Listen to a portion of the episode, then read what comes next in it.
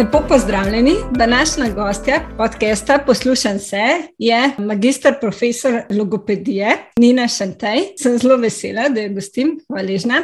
Nina je ustanoviteljica spletne strani in bloga logopedinja nina.si, kjer najdete veliko uporabnih sebin in člankov z govorno jezikovnega področja. Svoje znanje pa brezplačno deli tudi na Facebook in Instagram profilu pod logopedinja Nina. Vabljeni zelo k sledenju. Nina, lepo pozdravljena. Današnja tema pogovora bo govorno-jezikovni razvoj dojenčka in malčka. Kdaj se, po tvojem mnenju, začne govorni razvoj dojenčka? Na najprej še en lep pozdrav z moje strani, seveda vsem, ki naj jo poslušajo. Vem, da so to kar v današnjem času zelo pomembne teme, tako da je super, da smo se našli. Zdaj, kdaj se začne govorni razvoj dojenčka? Hm, Če bi se tako res, res morala odločiti, da nek, postavim neko mejo, bi rekla, da se začne ob rojstvu. Če pa malo kompliciram, bi pa rekla, da je v bistvu že ob spočetju. Če še malo bolj kompliciram, pa že veliko prej, pred mama sploh zanosi. Sej to, kako se bo dojenček razvijal, v, v veliki meri odvisno od zdravstvenega stanja mamice in očija. Ampak ja, to je pač, če kompliciram. Uh, če gremo na to, se prične ob rojstvu. Bi rekla, da to je zato, ker takrat uh, začne otrok poslušati te zvoke bolj res v takšni meri, kot jih bo v bistvu preostanek življenja poslušal. Takrat prvič uporabi glasilke, ko se rodi, začne uporabljati svoje govorila za hranjenje, uporablja svoje govorila za izražanje potreb. V začetku vemo, da je to jog. To je njegova komunikacija, to, že, to je že akcija, že delamo, že začnemo, se že odziva dojenček. Seveda pa pač ni zanemrljivo, da se temelji postavljajo že v maternici. Vemo zdaj že, da otrok že sliši zvoke, kaj tam že dokaj kmalo tekom nosečnosti, tudi začne imitirati požiranje. Vidimo lahko tudi kdaj na ultrazvoku, da že prst se sa dejansko. Tako vse stvari že dogajajo. Zdaj to, več o tem, v katerem tednu nosečnosti se kakšna stvar razvija, Uh, in po drugi strani tudi, kaj mi lahko storimo, da svojega otroka že tu podpremo. So meni dan danes všeč že številne aplikacije, ki so res že veliko bolj dodelane kot recimo uh, nekaj let nazaj. To lahko zdaj primerjam z mojo prvo nosečnostjo, pa zdaj, kakšne so v bistvu že razlike. Je pa res, da jih je večina v angleščini, slovenščini, mogoče pa se bolj lahko poslužujemo kakšnih portalov, Zdaj mi prvo pade na pamet, ringaraja.net. So tudi že drugi podobni, ampak imajo že res lepo po tednih napisano, kaj v določenem tednu naj bi uh, naš otroček v trebuščku že bil zmožen, kaj je že, katere strukture so že oblikovane. In se mi zdi tako fajn, da spremljamo ta razvoj. Mene, kar je zelo pritegnilo, je bilo pa to, da tudi upozorijo na to, uh, na potrebo po nekih določenih mineralih, vitaminih ki so v nekem obdobju bolj pomembne kot v drugem, in te upozorijo, zdaj, kakšno hrano jesti, če je samo malo več pojesti, če se je kaj izogibati, da mi lahko zagotovimo in dovolj in primerne hranilne snovi za optimalen razvoj tega našega otročka. Ker v nosečnosti gre za to, da pač ta otrok zraste, da se te celice prav skupaj pokonektajo, da se te strukture sploh ustvarijo na ta prav način. In enkrat sem slišala en stavek, ki mi je bil zelo všeč in mi še dan danes vedno odzvanja, odzvanja v, v mislih. Smo to, kar jemo. In če to povežem s tem, v bistvu iz tega, iz česar otrok nastane, je to, kar mi jemo. Za, za, za misel, kdaj je tako, ja, res dobra misel. Ja. Uh, ja, če imamo največ pomankanje določenih um, potrebnih snovi, ki jih ta naš dojenček, ta naš otroček v trebuhu potrebuje, zato da bo zdaj, recimo, ne vem, se neko nakovalce v ušesu pravilno razvilo. Ja, moramo paziti na to, kaj jemo, kako jemo. Se res daj. plača potruditi takrat v nosečnosti, ima res uh, veliko koristi, no? da, da res pazimo, tako kot si rekla, na prehrano, pa dodatke. Predvsem verjetno tudi polno, pa dodatna minerale. Ja. Točno te stvari, tako bi rekla, pomembne. Ampak še vedno, ja, hrana je pa tista osnova, s katero pač smo to, kar jemo. Dejansko mi ta stavek nikakor pa ne gre ven iz glave. Je pač res, da to ni, zdaj, da bi rekla, pa edini vzrok, da bo otrok. Zdaj, če pa jaz dobro jem, pa otrok ne bo imel težav. ni nujno. Ne? Še vedno je tu v ozadju veliko raznolikih vzrokov, nekatere stvari se tudi nikoli ne uspe odkriti, kje je bil problem. Mhm. Veliko naredi genetika, na katero težko vplivamo. Ampak nekako sem želela se tukaj dotakniti tega, kaj jaz v nosečnosti lahko naredim za govorni razvoj mhm. otroka. Pazim na se, pazim na prehrano, stres, gibanje, pač take osnove, ki jih lajna može vse posod na okolje. Ampak žal pač to je to, ja. ja.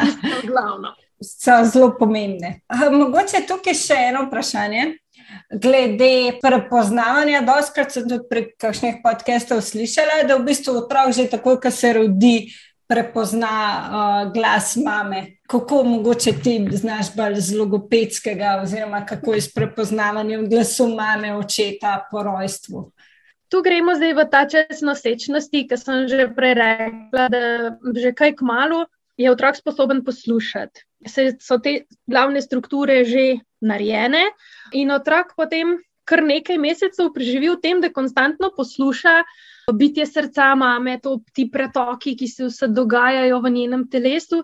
In ker je pač vedno z mamo, on vedno njo posluša, več čas poslušate mamin glas, mamin govor, to je njegova stalnica, to je. Uh, Če gledamo, recimo, v primerjavi z očetom, če oče je v službi 8-9 ur, ga pač niti ni zraven, je tega veliko, veliko manj, kot je pa pač mame, ki se je ne more uh, izogniti in ta glas je vse čas prisoten in uh, mu je to stalnica. In ko se rodi, uh, mu je to tista povezava uh, s tistim varnim obdobjem, ki je bil prej, da je to. Tisto nekaj, kar pa poznam, nekaj, kar je poznano, že recimo od tega ga utrgamo, od bitja srca, od vseh teh pretokov, ki se dogajajo v maminem telesu, Ampak ta mamin glas je pa znan, je pa nekaj znanega, tudi če je pač otrok, ne vem, tri metre stran od nas. In ja, so sposobni, in tukaj je ta pomembnost te mame uh, in maminega glasu, in da mi pojemo in se pogovarjamo in govorimo. In da vse naš otroček v trebuhu spremlja. Ja, ja. Um, no, bi se pa tukaj mogoče še na to eno tako zanimivost uh, navezala. V tem prvem letu oziroma kmalo po rojstvu so otroci sposobni zaznavati malo morje nekih različnih glasov. In tudi tukaj, če se dotaknemo, recimo, vem, š, ž, r, m, n, vse te, ki jih mi pojmujemo kot glasovi, je za dojenčka pač čisto vse. Nas on rodi na kitajskem ali pa v Sloveniji, bo on zmožen glasove jezika usvajati. In tudi, ko se začnejo oglašati, slišimo marsikatere glasove, ki jih v našem jeziku sploh nimamo. In če smo kdaj pozorni na medko pot, ki je zdaj ta nek ul ali pa ja. ne vem, kaj našel. Če, no. Ampak ja, to je to, pač igranje z govorili, zmožnost sproducirati, res ni, da ni kaj vse. S tem, ko je otrok obkrožen z jezikom in temi specifičnimi glasovi pač jezika, v našem primeru je slovenščina, s temi izkušnjami ohranja tiste, ki jih sliši, in opušča tiste, ki jih ne. Tako da, če on ne bo nikoli v, v okolju slišal, v, je ga sčasoma ne bo nikoli tudi sam produciral. Bo se pa bolj fokusiral na tiste, ki pa so. Iz tega vidika je v prvem letu prav tako pomembno, da mi več čas neki čeblamo otroka, pa v tem začetnih mesecih, čeprav vemo, da pač še ne razume. Ampak spet. Ta materin glas, da je ta občutek varnosti, da poznam to in to, da ko mama govori, in tukaj moramo še poudariti, da pravilno govori, uh -huh. ker če mhm. mama bo pravilno govorila, ja, kateri glasovi bodo potem ostali napačni, nepravilni. Tako da tukaj je ta, da posluša in posluša in se s tem uči si pa lepo povzela. Re, res je to pomembno, ne? že tako v zgodnem obdobju, no? zaradi večjih in zaradi varnosti, tako kot si rekla, in zaradi pač samega govorno, in kasneje pa tudi jezikovnega razvoja. Ja. To je pa res tudi zanimivo, no? ker sem tudi uh, v praksi prehčeri ja, opazila, da polje res, če dalje izginjajo te glasovi, ki pač niso v našem uh, jeziku. Ja. Tako, zelo zanimivo. Okay, mogoče, zdaj smo bili res čist prvo vrečko, pa bomo tudi mogoče še kar začeli, pa bomo pol, da se intenzivno govor razvija. In sicer, kako poteka ta govorni razvoj dojenčka od rojstva, se pravi, ko je novorenček, pa do treh mesecih in mogoče nekaj o kakšnih optimalnih spodbudah. Verjamem, da mamice pač to zelo zanima.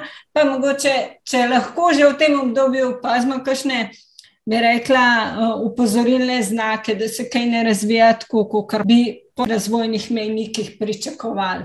Pa kam pa po pomoč, če je opazno, oziroma če ocenijo tudi pediatri, oziroma kdo to oceni, če mogoče kaj več o tem.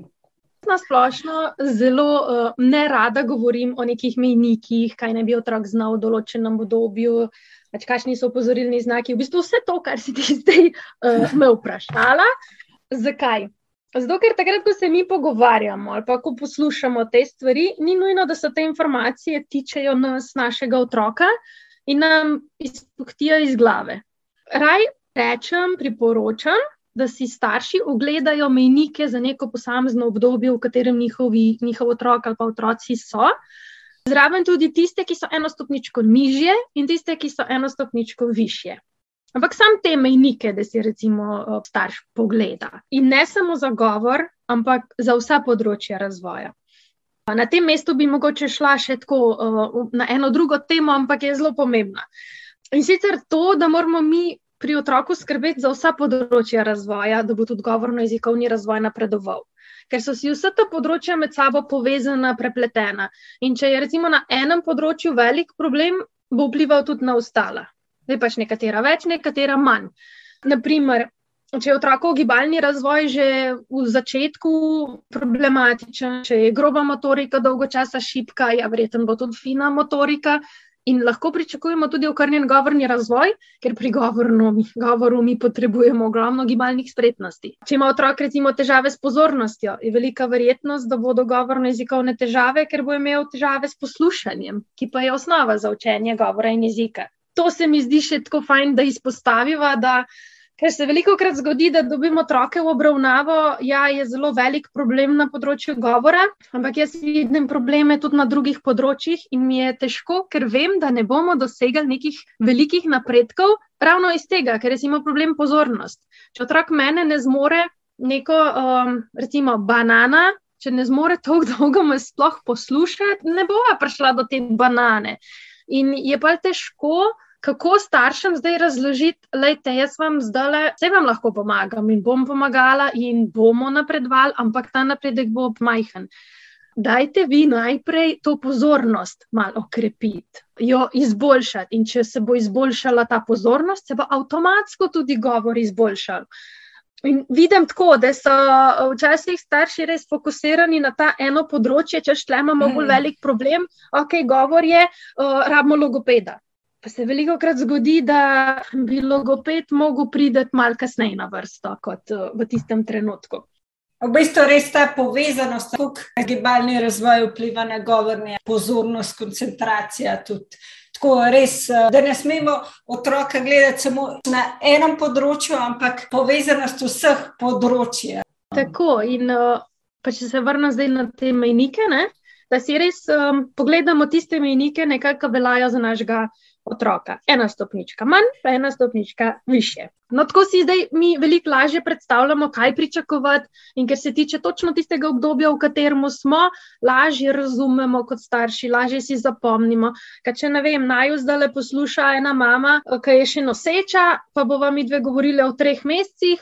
Ona, preden bo do teh treh mesecev prišla, bo to že vse uh, ušlo. Tako. In zato, ker jaz malo bolj tečnarem s tem, gledajte, mejniki so zunaj, da se jih dobiti, poglej si jih in spremljaj takrat, ko rabiš. Kaj je to aktualno? Enako, enako svetujem recimo vzgojiteljicam v vrtu. Natisni si mejnike za tisto starostno skupino, ki, je, ki jo imaš, nekam na vidno mesto, in lahko potem tudi se vedno vrneš tja, ko si v dvomih. Mislim, se mi je super, da me vprašajo, pa kakšen dvom izpostavijo. Tudi to vprašanje, joj, je to v redu za to starost ali ni. Tako, pa le, vse ti piše tam, le, ko si v dvomih, tlemaš napisan, poglej. A je, a je v redu, da ima samo dve besede, ali, je, ali bi mogel imeti že pet besed? Ne? Tako da so nekatere stvari v teh mejnikih že v bistvu zapisane in si lažje predstavljaš, a zdaj kompliciram tej mami tam, da ta otrok pa še ne zmore v stavkih govoriti, aj mal še počakam. Je pa nujno vedeti pri teh mejnikih to, da to so neki okvirni mejniki, ki temeljijo na celotni populaciji in ne na našem otroku. vsak otrok ima še vedno svoj tempo. In to so neka splošna priporočila, da se lahko na neki opremo, da gledamo zdaj, kaj naj bi bilo na, cel, na celotni populaciji pričakovano. In zato rečem, vedno pogledaj tudi eno stopničko nižje in eno stopničko više. In če si v tem nekje krogu, je ok. In še ta del, če že gledamo, recimo, sosedovo Micko, kako pa tam gre, kaj je točno tako stara, kot naš. Vedno gledajte vsa področja, ne le eno. Naprimer, oh, sosedova Micka pa že zna, r, naš pa še ne, ojoj, panika, kriza. Ne se tle ustaviti, id naprej, recimo, no, sej naš pa že zna voziti kolo, Micka pa še ne. Da pogledaš tako svojega otroka celostno, In nadaljuješ tako, kot ima naš otrok še čas za R, ima tudi Micka še čas za kolo. Ok, je. Tako smo hitro radi ta primerjava. Pa veliko krat tudi zadnje čase poslušam, sej vem, da ne smem primerjati. Pa rečem potem, ja, je pomembno, da primerjamo, ker moramo tudi vedeti, kaj je normalno. Sam ne id primerjati to, ker pa Micka že zna R, mora pa naš tudi. Ne, gledaj, gledaj celostno, gledaj vsa področja. In če je več teh področji, nekih kritičnih, zaskrbljujočih, potem se obrneš po pomoč. Mislim, da se dala en zelo odličen svet vsem staršem, da res gledamo eno stopničko naprej, pa nazaj, ne, da vidimo. Pa tudi glede primerjav, mi je zelo všeč, da, ja, da, da nekako vemo, kaj je za tisto obdobje značilno samo da nismo pa pri tem omejeni samo na en vidik. Jaz se mi zdi, da je res to en tak odličen svet. Pa ne se zadovoljiti s tem, kar tako radi slišimo v zdravstvu, ima še čas, se ima še čas. Ta ima še čas, je vedno potrebno res dobro premisliti, ali mhm. ga ima res ali se da pomagati, kaj, vsaj z ne vem, nekaj nasveti, z nekaj spodbudami, ne zdaj, da mora pač otroki to redno obravnavati. Ampak da imamo vsaj en, dva, tri nasvete, ki bodo spodbudni v tistem trenutku in bo mogoče otrok speljal stvari. Se mi zdi, da v zdravstvu se vse tako malce črno-belo gleda. Ali je še ok, ali je pa že taka kriza, da ojoj, ne, in samo tisti lahko pridejo v obravnavo. In imamo danes jaz vidim največji problem ravno v tem, ker mi nič ne naredimo na preventivi. In se ti otroci nabirajo, nabirajo, nabirajo, in imamo ogromno dela potem s tistimi, ki imajo resne težave pri petih letih, ker pri treh letih nismo hoteli eden ali pa dva na sveta podati, mislim, nismo hoteli. Sistem je sistem, nam kot zdravstvenim delavcem ne omogoča ravno veliko svobode pri tem. Ja. Ti pa še na tem mestu ne priporočila nekaj literature, ker sem prej rekla, obstajajo že mejniki, pa pa pride mhm. nazaj vprašanje, ja, ki je, jaz nič ne najdem. Za to prvo leto, jaz sem šla kar mal na prvo leto, sicer sem ja, vprašala za ja. tri mesece, ampak vem, da bi rada govorila še o šestih mesecih, pa v enem letu, res to kar zdi tako en. Um, super. Ko bi rekla, bom malo zakružila. Tako, smiselno, uh, super. Kot prvo, res priporočam knjigo Logopedinje Nives Skamlič od joka do prvih besed. Ta zajema prvo leto in je tak res temelj. So ti vse te temeljne zadeve. Pač zajema to prvo leto, ampak je pomembno tudi kasneje, ravno zaradi, tega, zaradi teh temeljev, kako komunicirati z otrokom, da smo čim bolj podporni. In čeprav je to prvo leto v bistvu neko predgovorno obdobje, pa se tu postavijo tisti glavni temelji. Če mi v prvem letu smo zadovoljni s tem, da otrok samo spi, pa je, pa ni veliko aktiven, počiva, v bistvu ni zagovorni razvoj to optimalno. ja. Kot dober vir informacij tekom otrokovega odraščanja, ko je eno leto star, dve, tri, štiri, pet, da lepo sledi tem posameznim letom, je knjiga Liba Laca Lak, logopedine Simone Levc. Mm.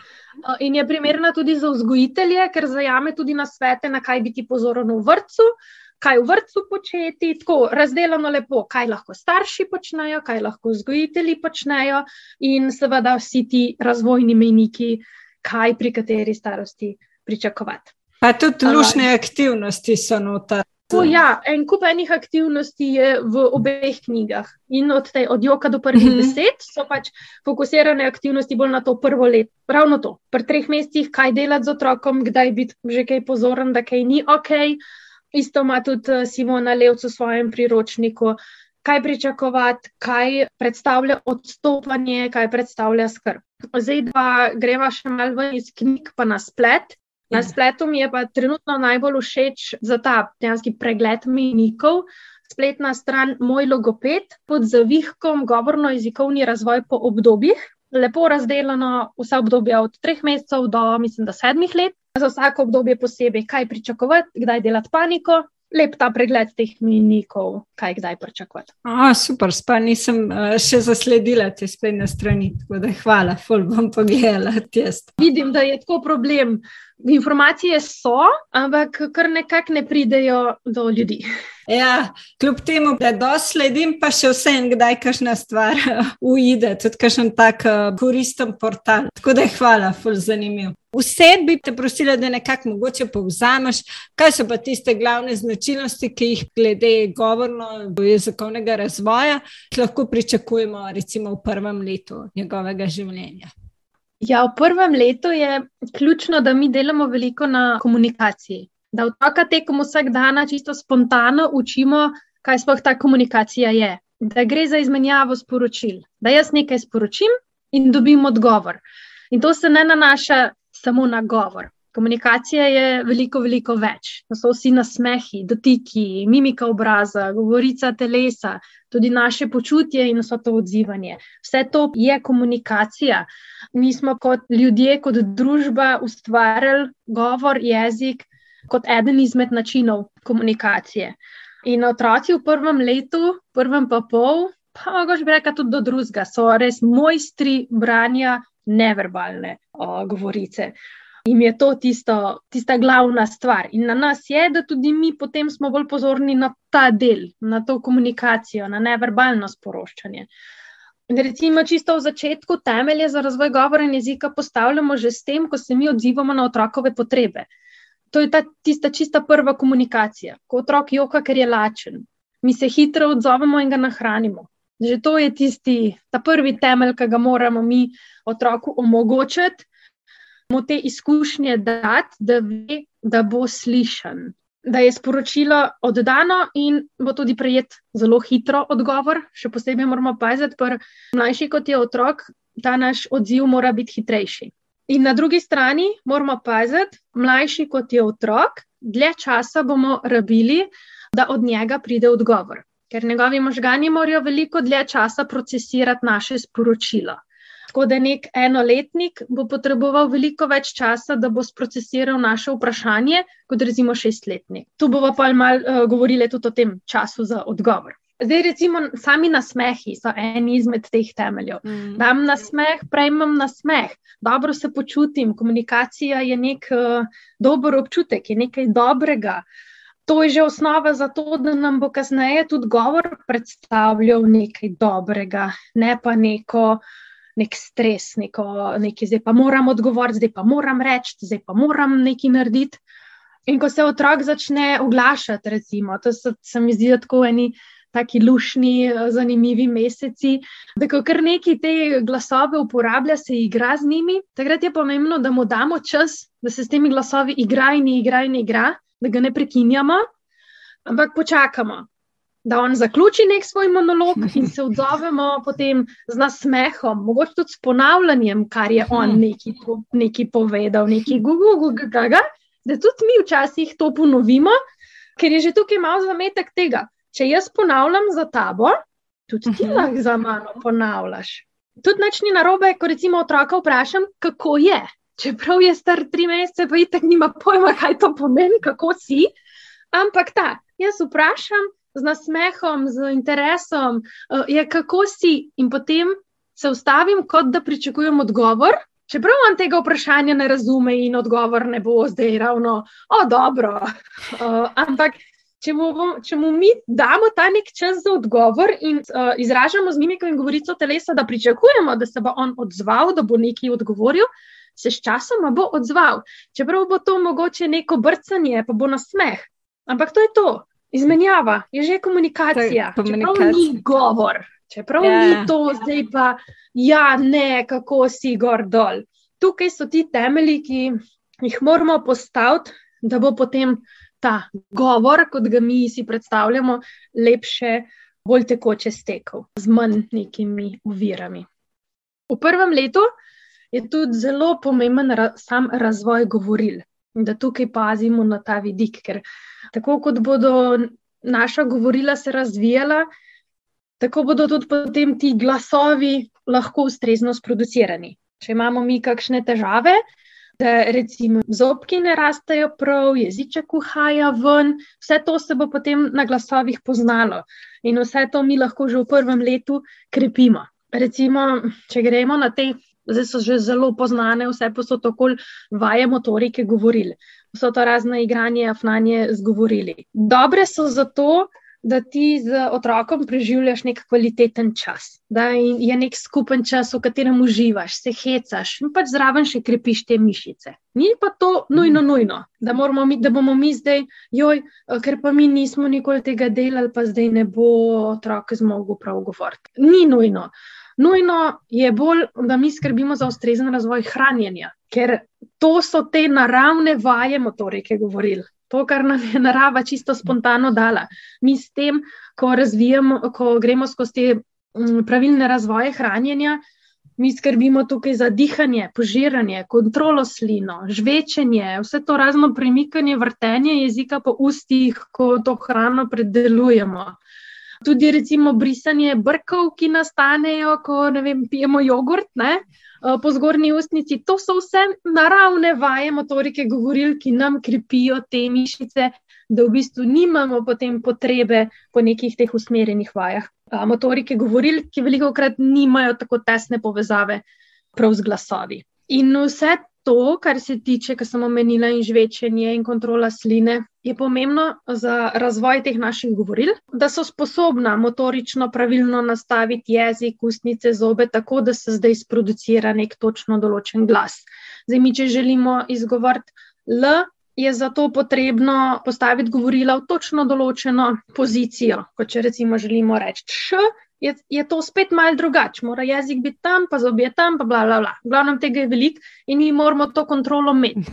In mi to kontrolo dobimo s tem, ko te mišice, jezik, lička, vse to aktivno uporabljamo. In to nam da hranjenje. Že v začetku stesanje in potem prehod na gosto hrano, trdo hrano, to je naraven proces skrbi za razvoj govora. In pri tem moram ravno na ta del žvečenja upozoriti, ker smo nekako postali mal, ne vem, ko bi rekla, ohlapni pri tem. Premalo spodbujamo samo žvečenje, predolgo odlažemo strdo hrano.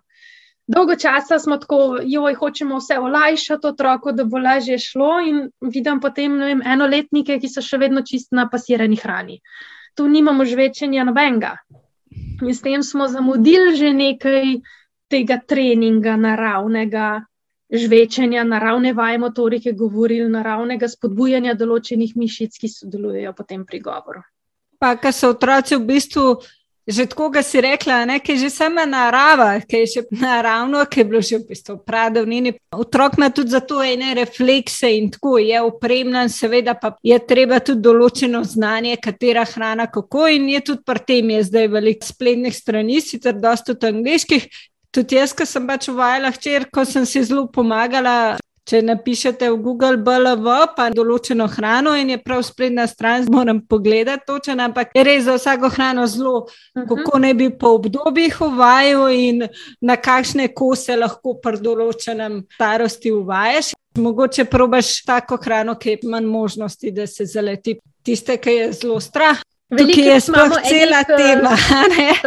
To je tema za eno celo predavanje. Ja, ja. Tra, ja, tako smo prestrašeni, ratali in pozabimo na to naravo, da nas je narava uh, pripravila na vse te težave, ki lahko pridejo. Meni je bilo zelo všeč, zadnjič smo se ravno na enem predavanju pogovarjali in je bilo izpostavljeno ravno to, da nimamo v mislih, da ima otrok o, že veliko prej tak refleks, refleks, ja. refleks, kot imamo mi odrasli. Mm. Mi odrasli imamo, ko pride hrana, že zelo zadaj na jeziku, šele takrat se nam začne pa nekaj pokašljevati, dvigovati. Mm.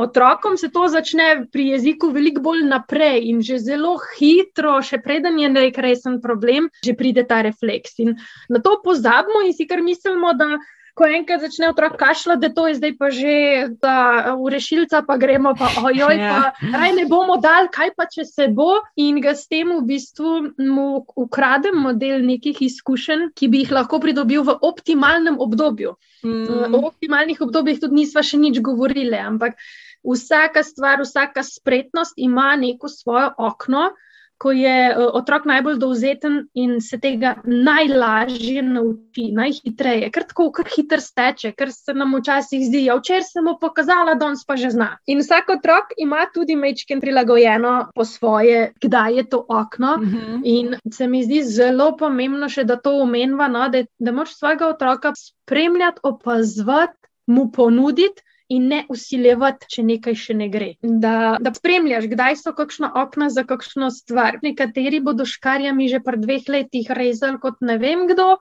ja, nekdo bo pa šele pred petih razvil ljubezen do škari, ampak če mu bomo mi pred treh letih te škarje usiljevali, pri petih letih bo sam še, ko bo zagledal škarje, bežal stran in tega optimalnega okna ne bo. Ampak, ok, to smo zdaj malo zašli.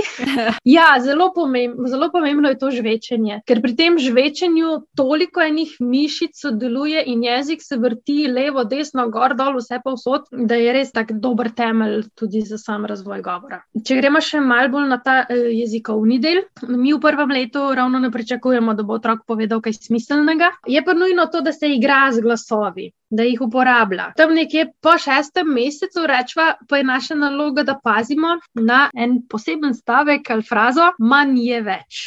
Da ne govorimo preveč, predolge stavke, razlagamo na dolgo in široko, ampak se raje osredotočimo na eno besedo, besedno zvezo in to ponavljamo in ponavljamo v podobnih situacijah. Mi se naš govora naučimo s ponavljanjem ko eno besedo slišimo, zdaj številke si izmišljujem, ker je odvisno od vsakega posameznika, ampak moram jih pa vključiti, da si lažje predstavljamo. Ja. Recimo, ko besedo slišimo stokrat v zelo podobni situaciji. In bomo s tem določili pomen. Naprimer, če vedno, ko očka pride iz službe, rečemo, ko stopi v hišo, in mi rečemo, a ti. In če bomo mi to stokrat naredili, bo otrok s tem, ko zdaj pa ta oseba pride v moje vidno polje, mami ob tem vedno reče: Ati. Aha, ta oseba, ati, to je to, aha, to pomeni oni ati. Na ta način ti naši dojenčki, malčki usvajajo pomen besed. Ko ima beseda za nas pomen, jo bomo mi šele poskušali izgovoriti. Zelo redko, kdaj se zgodi, da bomo pa zdaj kar neko besedo, ki sploh ne vemo, kaj je, pa jo kar uporabljali. Ni to uh, optimalno, pravilno, ustrezno, okarkoli vse to, ampak. Ko besedo slišim v podobni situaciji, jih določim pomen in šele takrat jo bom pa tudi poskušal izgovoriti. In običajno je to le nek približek te besede, in potem spet, ne vem, sto ponovitev, in nam gre če dalje bolje, in je to če dalje boljši približek te besede, kot jo mi izgovorimo. In ko nam gre že res dobro, bomo to besedo uporabljali v stavku. Vse gre s tem ponavljanjem, ponavljanjem, ponavljanjem. Ključen je res tisti vidik, ko določimo besedi pomen. Torej, če bomo mi zdaj desetmesečniku ali pa enoletniku povedali milijon različnih besed na dan, bo potreboval veliko več časa, da jim bo določil pomen, kot pa če se mi osredotočimo na nekaj vsakdanjih besed, ki jih lahko res vidi, izkusi. Spet ta manj je več. V tem vidiku sem prvem letu. Da je ta razvoj hitrejši, da hitreje začne, prej začne otrok govoriti, ker ima te usnanje besede res popredalčkane, usvojene. To to. Če pa mi nalagamo in nalagamo in nalagamo, je pa tega tako, Uh, Veliko za popravljati. Ja. To bi bil ta glavni del za prvo leto, pa gremo naprej. Okay, super. Kaj pa potem? Se pravi, potem lahko pričakujemo res vedno bolj intenziven razvoj. Tudi govorila so, če dalje bo razvita. Boš na kratko opisala, potem, kako lahko razvoj poteka, recimo od prvega do drugega leta, pa potem od drugega do tretjega pa kakšen naj bo naš govor, potem si rekla, manj je več, pa kako mogoče, kakšen model govora, oziroma kaj priporočaš.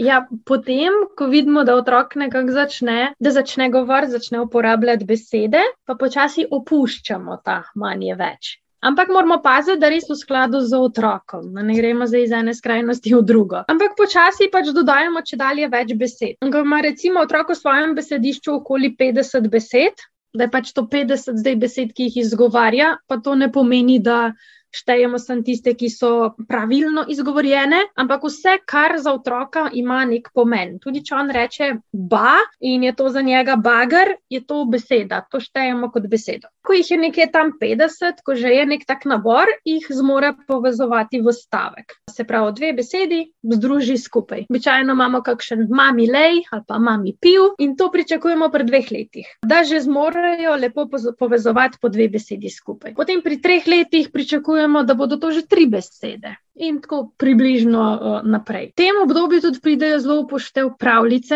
Mogoče se tukaj dotaknemo, zakaj je to branje pomembno. Uh mhm. -huh. Je pa iz tega vidika, ker v pravljicah in zgodbah imamo mi besede in strukture stavkov, ki jih mi v vsakdanjem življenju pač ne uporabljamo. In s tem širimo otrokovo besedišče in tudi zaznavanje teh vseh raznolikih struktur. A, bi pa tu opozorila na to, da pazite, kakšna je vsebina, da ni zdaj treba pravljico brati točno tako, kot je napisana. Sploh prvič ali pa drugič ali pa tudi tretjič, ko jo beremo je veliko bolj smiselno, če zelo prilagodimo te stavke, jih raj skrajšamo in pazimo, da bo najprej otrok razumel vsebino knjige, da bo razumel, kaj je v tej knjigi sploh bilo, kaj se je zgodilo. Potem, ko pa knjigo večkrat preberemo, pa že bolj sledimo tem novim besedam, novim strukturam. Ker če bomo zdaj mi neko novo knjigo prenesli in je zdaj to tako, po možnosti še kar obširna knjiga, in bo v tej knjigi sto novih besed, bo otrok težko sledil. Smo pa spet pri tistem, da jaz zdaj moram jaz. Mm.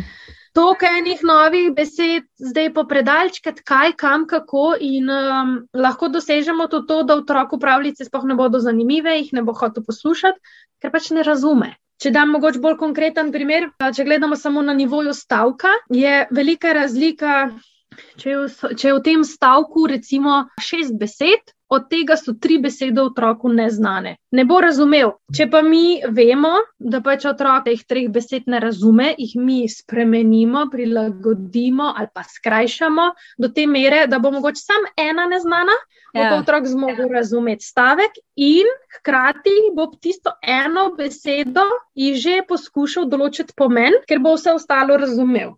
Jaz upam, da sem bila tle dobro. Ja, tako se pravi, v bistvu malo prilagodimo, ne? tako da pravljico prilagodimo sposobnostim otroka, pa mogoče tudi zanimanjem, tako da, da, da je čim manj neznanih besed, mogoče samo ena in da otrok tudi iz konteksta in da s tem dobimo, pridobimo njegovo zanimanje. Doskrat sem tudi prebrala, ne vem, če na tvoji spletni strani, ampak eh, pač logopedsko, da tudi priporočate, da v bistvu otrok tako da ne svitu brez nekateri priporočajo. Kako ti v tem, zdaj le sicer malo pod vprašanja?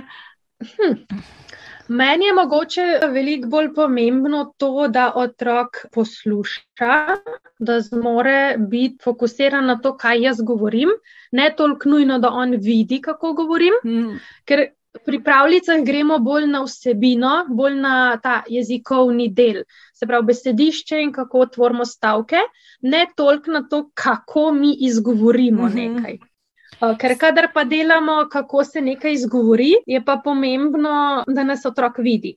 Bova mhm. to majčken kasneje še umenile. Jaz veliko uh, bolj priporočam to, da ko beremo, da beremo tako, da otrok lahko knjigo vidi, gleda, da vidi ilustracije eh, in da so tudi knjige, ki imajo ilustracije. Ravno iz tega, da otroka pritegnemo k poslušanju. Mlajšim otrokom, tam dve do tri, večini je zelo težko samo poslušati pravljico. So, seveda, obstajajo eni, ki zelo uživajo v tem, ampak če gledamo tako večinsko, eh, sploh v današnjem času, ko imamo ta tempo, tako nor, mm -hmm. tudi otroci čutijo ta tempo in se tudi njim vse čas nekam mudi, jim je zelo težko samo poslušati. In jaz uh, vidim veliko več nekega napredka, usvajanja, nekega besedišča, vsega v tem, da mi beremo skupaj, tako da tudi otrok vidi ilustracije in ob tem, ko bereš. Tudi z gibanjem ponazoriš kakšno stvar. Recimo, če je v knjigi neka nova žival, takrat, ko jaz, zdaj si bom zmislila, da je to zebra, in piše v knjigi, na obisk je prišla zebra. Bom jaz v tistem, ko bom prebrala, je prišla zebra, s prstom na zebro pokazala. In s tem bom otroku omogočila, da besedo zebra poveže s tisto sliko, ki je tam. Ali pa zebra se je usedla na stol, bom jaz z gibanjem roke ponazorila, vem, od njene riti pa do stola, češ mm -hmm. to, na stol. Tako. In s tem gibanjem Aha. še dodatno pomagam razumeti te besede, ki so malo manj, ki jih otrok mogoče še ne razume.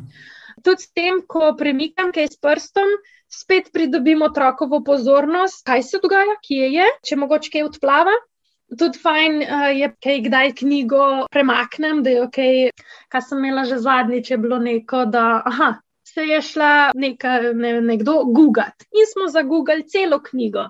In se mhm. guga, guga, guga, in spet otroka pretegneš, ker se nekaj dogaja, ker je neka aktivnost, nekaj je. Tudi noč ne škodi, če otrok vmes sprašuje se mi zdi to veliko bolj pomembno, da mi ta otrokova vprašanja resno vzamemo, pa jih odgovorimo, pa pokažemo, kot pa to, ne, zdaj pa od začetka do konca preberemo in to je to. Se mi zdi veliko bolj pomembno, da sledimo res temu otrokovemu interesu, ker on, ko bo vprašal, bo vprašal nekaj, kar tisti trenutek potrebuje, da bo razumel nekaj, kar smo prebrali. In če mi to ignoriramo, preskočimo, smo zamudili tisti trenutek, ko bi zdaj pa to se res usidralo nekam. Ki je bil v bistvu motiviran in tukaj no, se mi zdi zelo lepo, ko si podala to sledenje otrokovemu interesu. Ga na ta način podpremo, da v bistvu tudi odgovorimo na ta njegova vprašanja. Ja, pri interesu mogoče tudi to, da zbiramo knjige, ki so njemu ljube tematike, ali pa da si jo sam izbere, bo veliko bolj motiviran, kot pa nekaj, kar smo zdaj mi. Ker se pa nam zdi luškana, pa lepa, pa super, pa gordol, ja, ni nujno, da bo tudi otroku. otroku ja. Pri mlajših tudi za vihki, to sicer niso pravljice, no, ampak pri kartonkah jih uh, malce. Da so interaktivne. Uh, tudi vse te, ko bi rekla, kartonke, da že ni ravno pravljica, se mi že s tem, ko uh, opisujemo, ko poimenujemo, Že to je, ko bi rekla, predstopnja teh pravljic in je tudi pomembna. In zdaj mi ne rabimo neko zgodbo tam napisano, mi niti ne rabimo brati pravljice, tako kot je napisana, mi lahko opisujemo slike in je že to veliko, je že to ogromno, je že to mm, doprinos. To bi rekla, zdaj, kar se tiče teh pravljic. Že prej sem nekaj omenjala, ta čas za odgovor. In se mi zdi tukaj v obdobju od ena do tri je to še toliko bolj pomembno. Tudi včasih pride ravno v tem obdobju do tako imenovanega razvojnega izslanja, ko otrok ima polno glavo in prehiteva z mislimi sam sebe, ko on poskuša prvo besedo povedati, je v mislih že pri tretjih in se potem zaštrika in obstane nekje.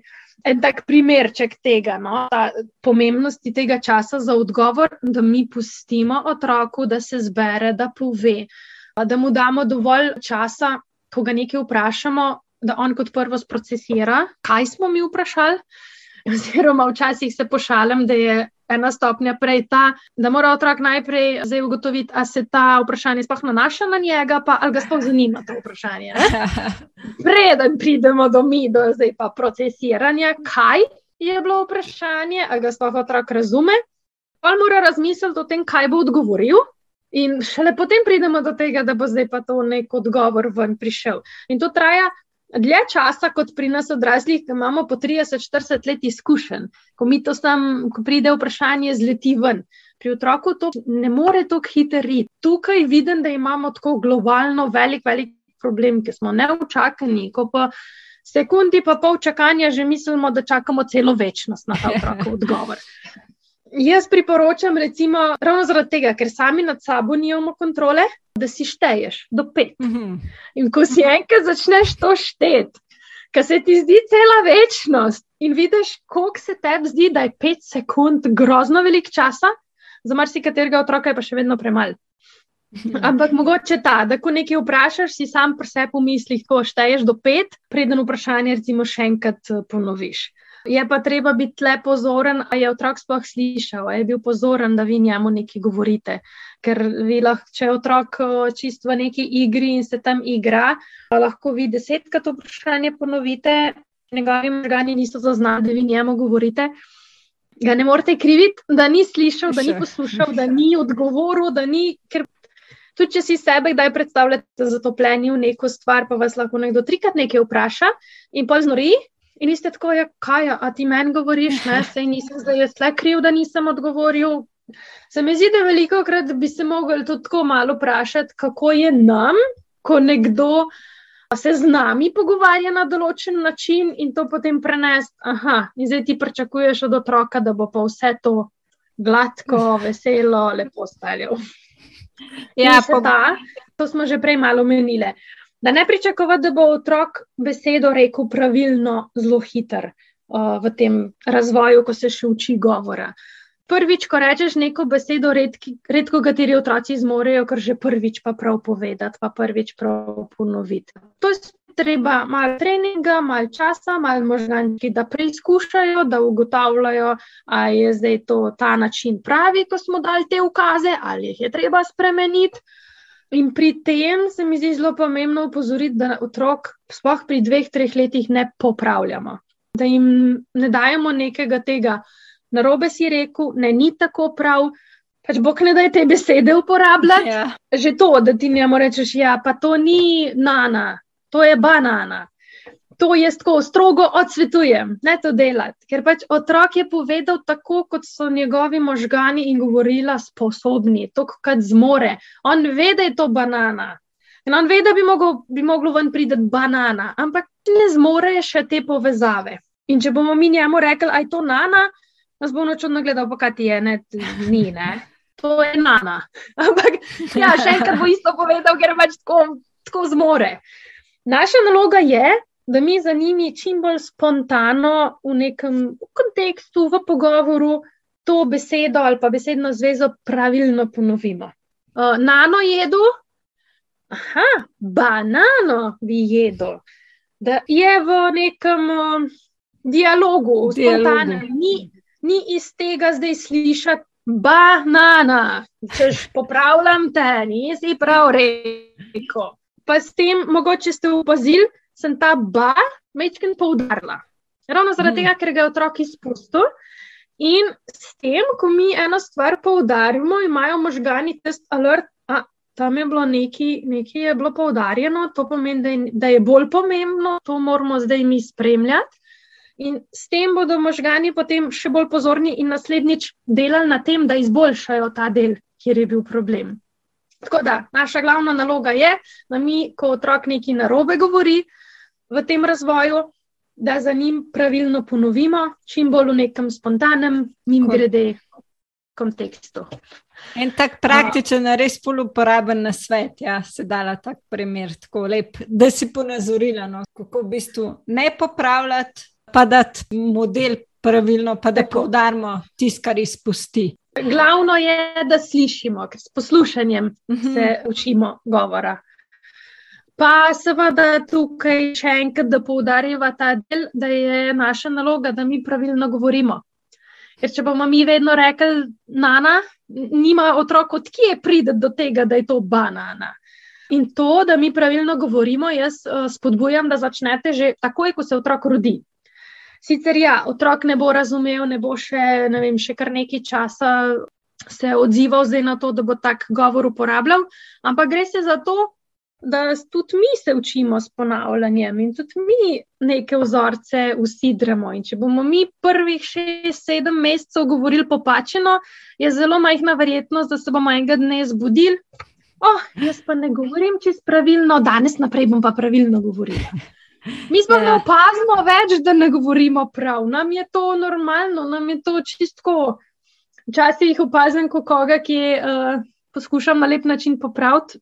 Ja, nisi lepo rekla, da je pazi, da lepo ne šumnike izgovarjaš. Ja, pa sej sem. Ne, ti si rekla in bolj ponovim točno tako, kot so rekli in da se sliši tako neumno in je tako, ne, to pa že nisem. Ja, pa si točno tako.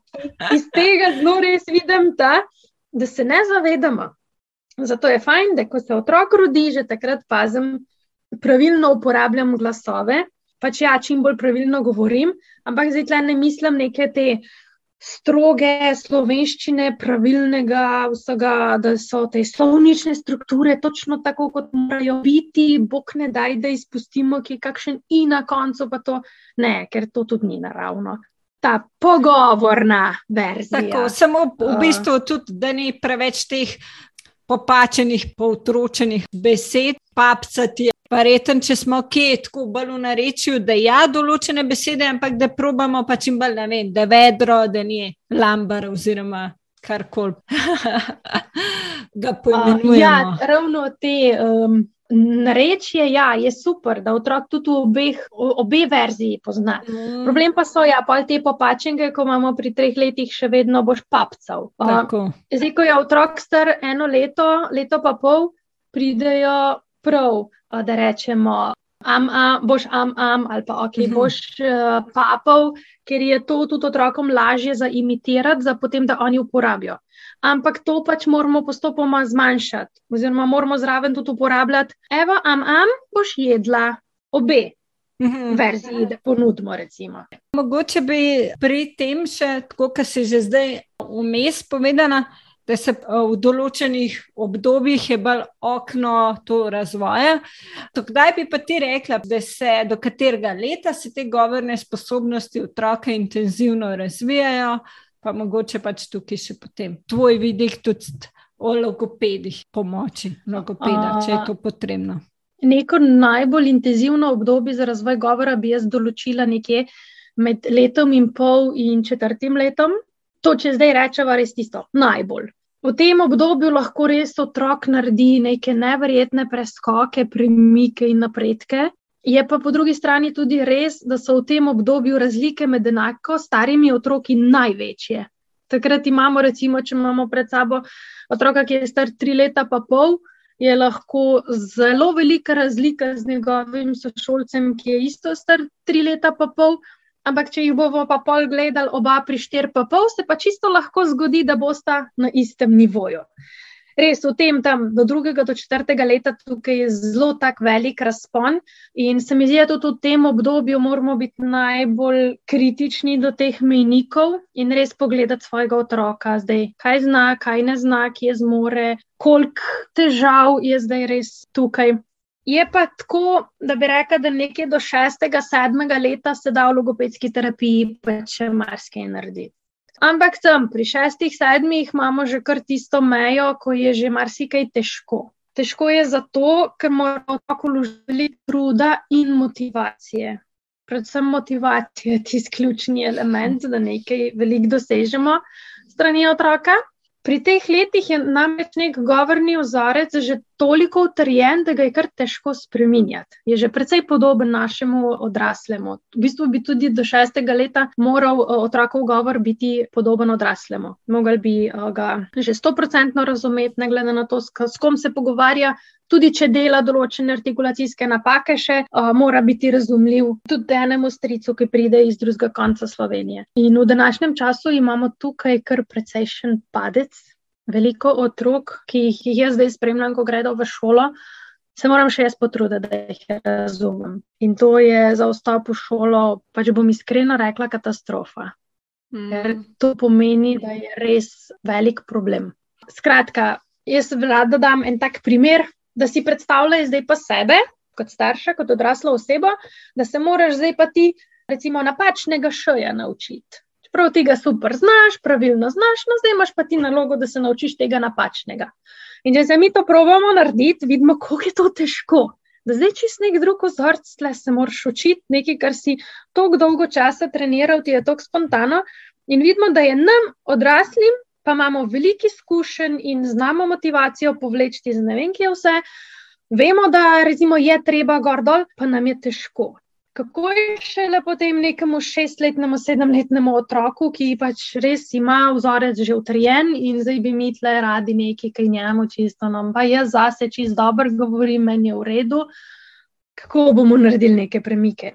In se mi zdi, da imamo v praksi tako največ težav ravno s tem 8 do 11 let, ko jim manjka motivacija, ko jim manjka smisel, stvari so utrjene, prihaja puberteta in v tem obdobju, recimo, se naredi najmanj.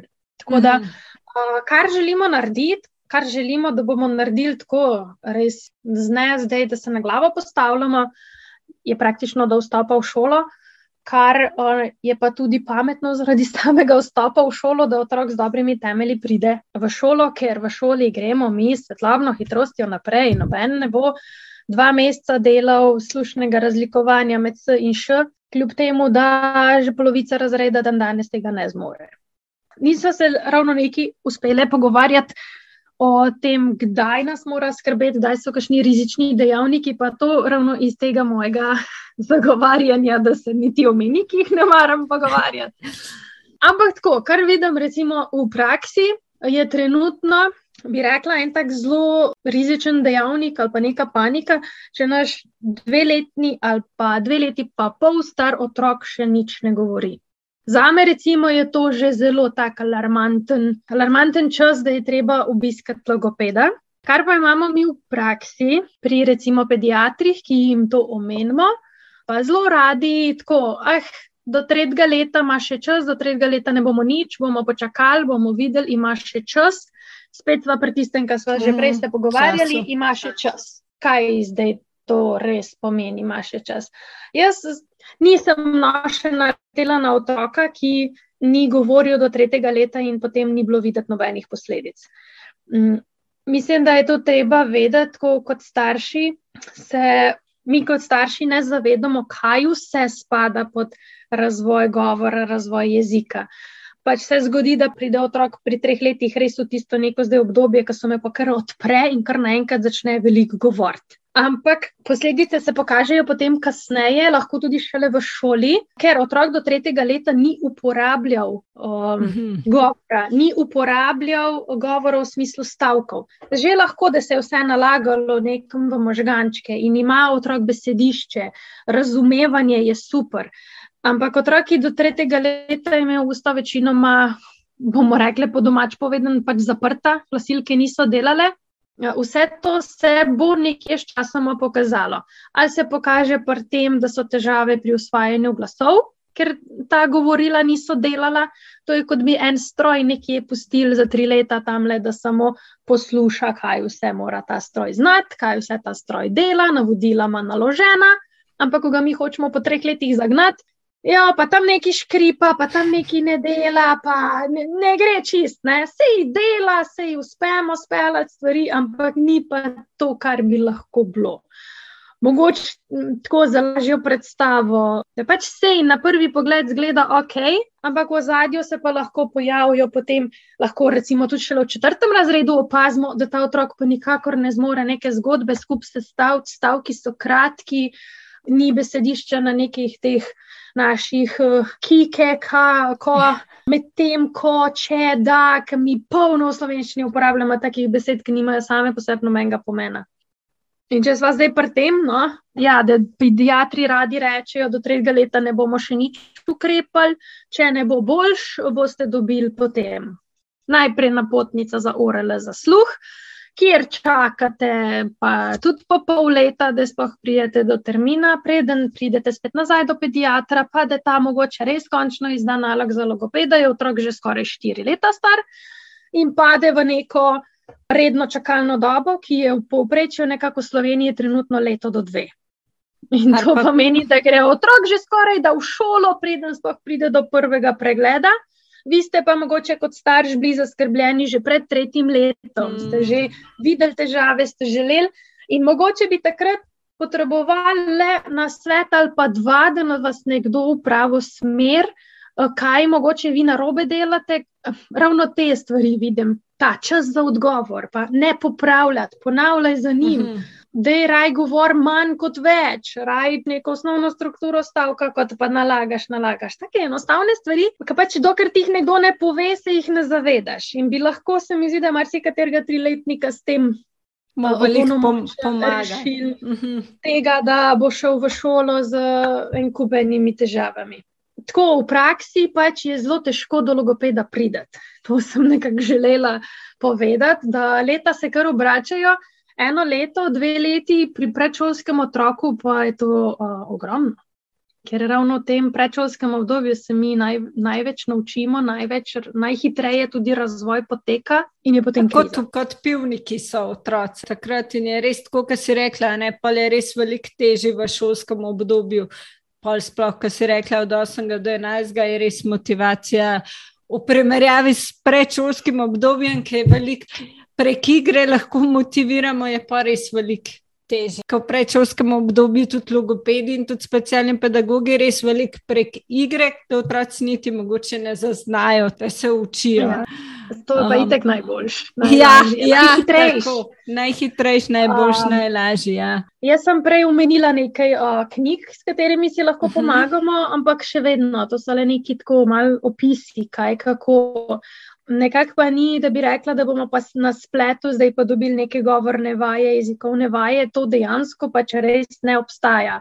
Oziroma, tako zelo v majhni meri, da boste težko zdaj pa sami rešili problem. Ker se mi zdi za marsikatero stvar, ok, pri zdravniku nisem nikamor prišel, bom malo pogooglal, pa najdeš možnosti, neke alternative, da nekaj prebereš, pa probaš, pa gre.